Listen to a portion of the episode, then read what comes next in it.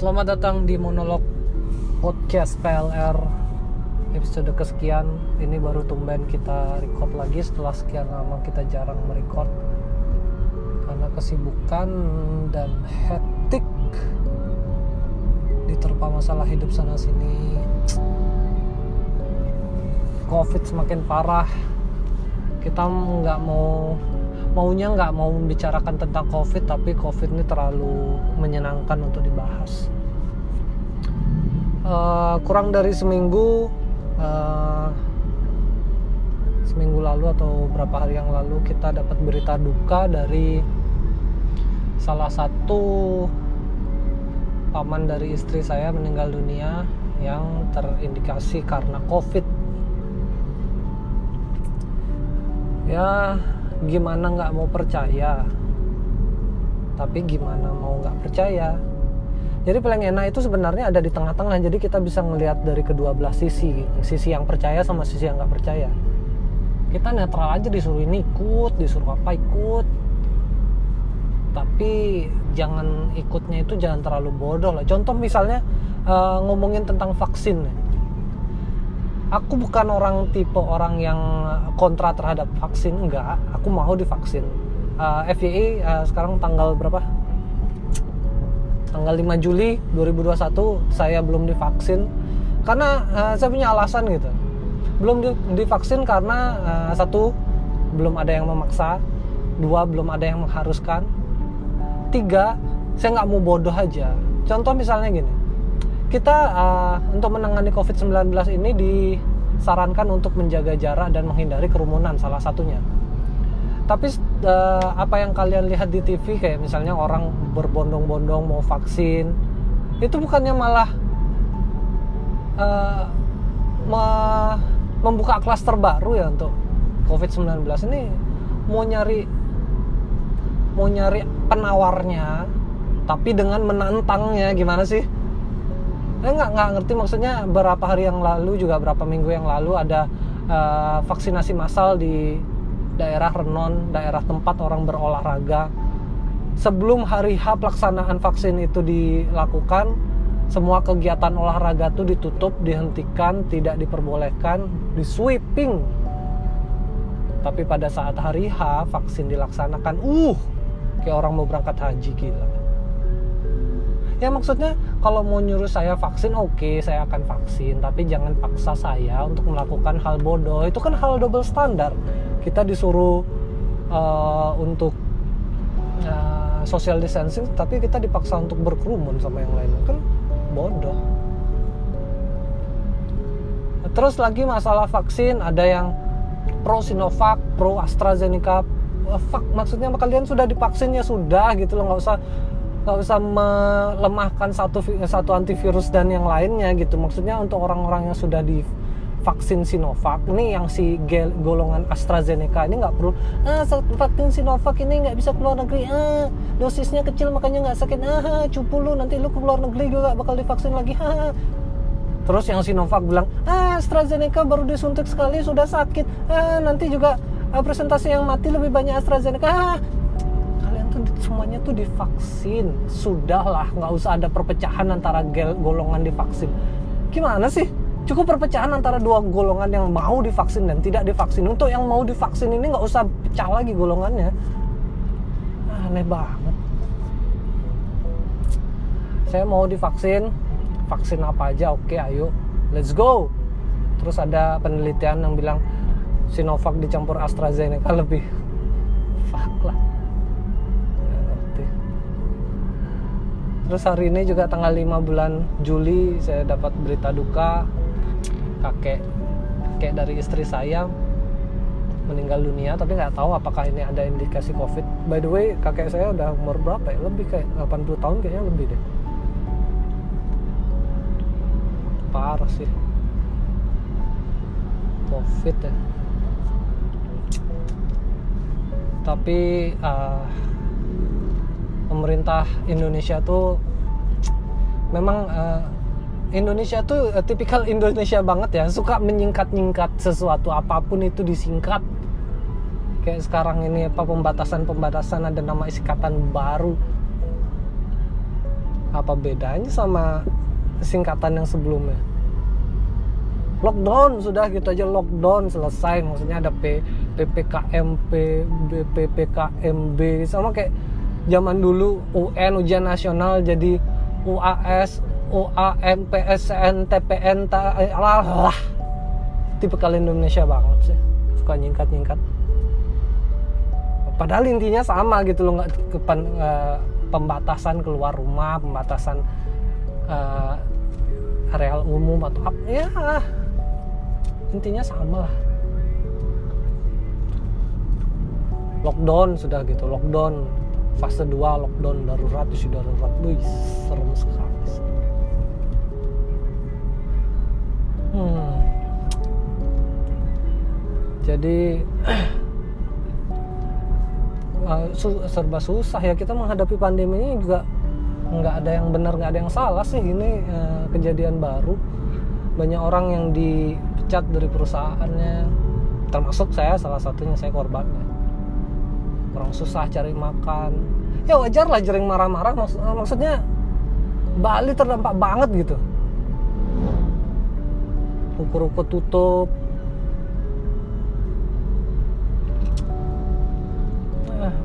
Dirumahkan penghasilan. Tapi nggak tahu kenapa ya pandemi ini kayak orang yang miskin bisa jauh lebih miskin dan orang yang kaya tetap kaya gitu karena sebenarnya ya kaya miskin tuh bukan dari kerja dari investasi sama warisan keluarga. Jadi orang yang kaya itu mereka akan tetap kaya dari investasinya sebelum covid. Investasinya tetap jalan. Bukan dari kerja. Nah orang-orang miskin ini kan semua bergantung hidupnya dari kerja nih. Kerjaannya dihilang ya udah gembel. Kayak saya. Tapi uh, gimana ya? Orang-orang di misalnya di sosial media gitu investasilah dari muda investasilah dari muda supaya masa tuamu gini tidak menimbulkan uh, generasi sandwich sen, uh, sen, generasi sandwich generasi yang membiayai orang tuanya dan membiayai anaknya. Men tunggu dulu jangan ke investasi dulu. Orang ini susah nyari kerja men. Nyari penghasilannya bukan penghasilannya mau diinvestasi ke mana itu dua hal yang berbeda men. Lu kasih solusi itu kasih sesuatu yang bisa mendapatkan gaji untuk mereka.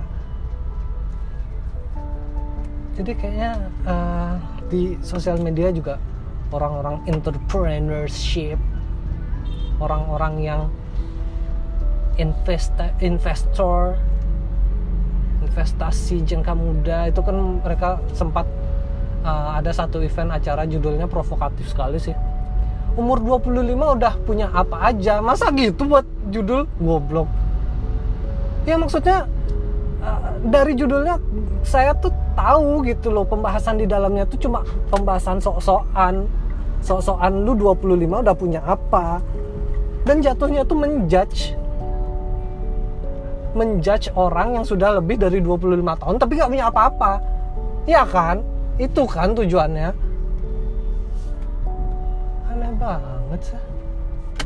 Udah penuh ternyata sini?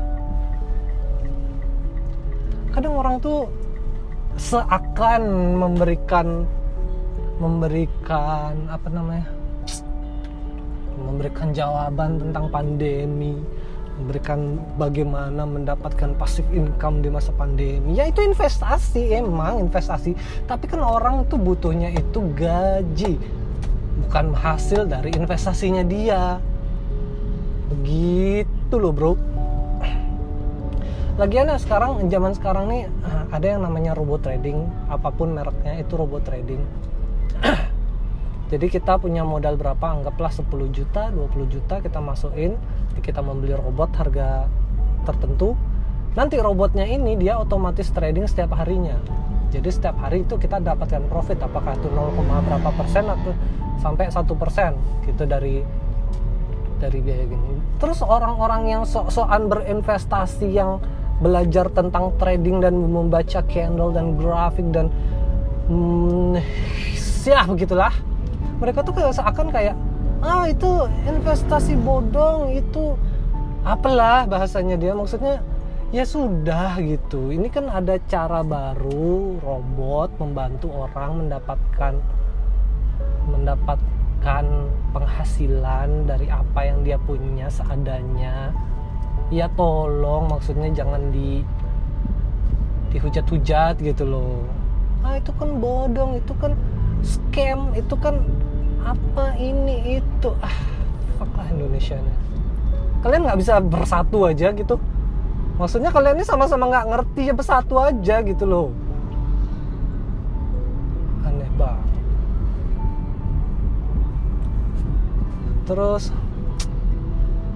uh, peraturan PPKM enggak PKEMB apalah itu pembatasan pembatasan ini menganjurkan uh, rumah makan tidak menyediakan uh, fasilitas untuk makan di dalam.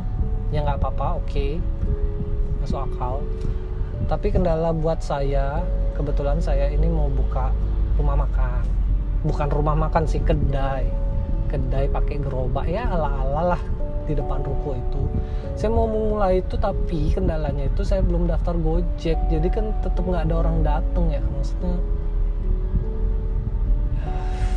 jadi tambah susah lagi nih gimana dong?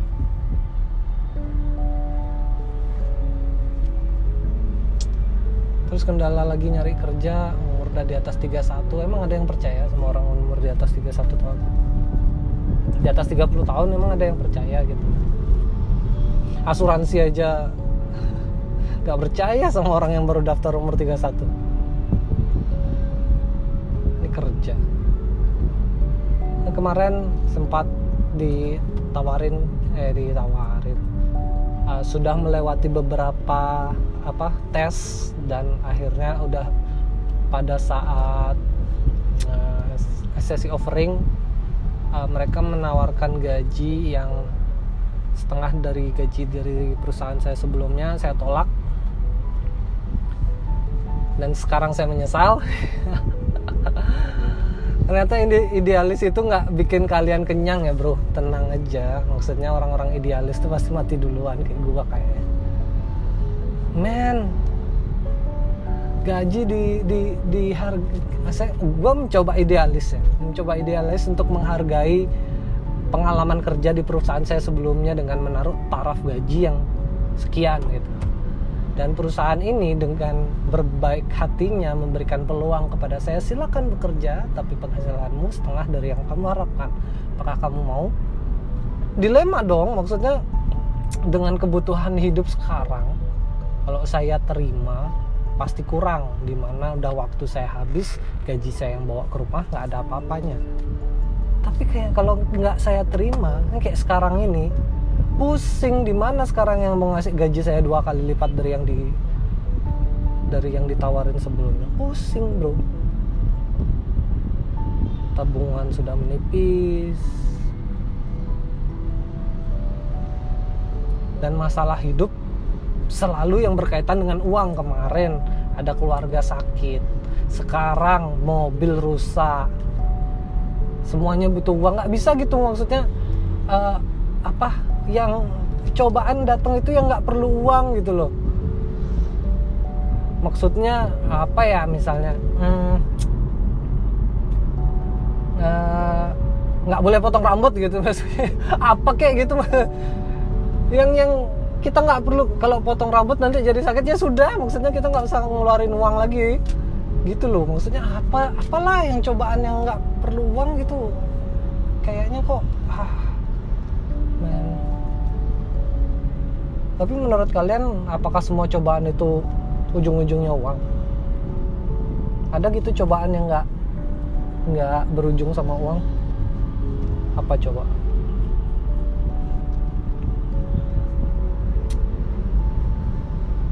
Cobaan yang nggak berujung sama teman dijauhin dijauhin temen.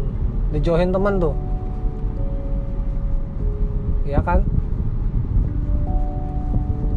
ya tapi nggak masalah gitu. Misalnya saya nih dikasih cobaan lu dijauhin temen apa-apa yang penting saya nggak ngeluarin uang. Oh, itu masuk cobaan.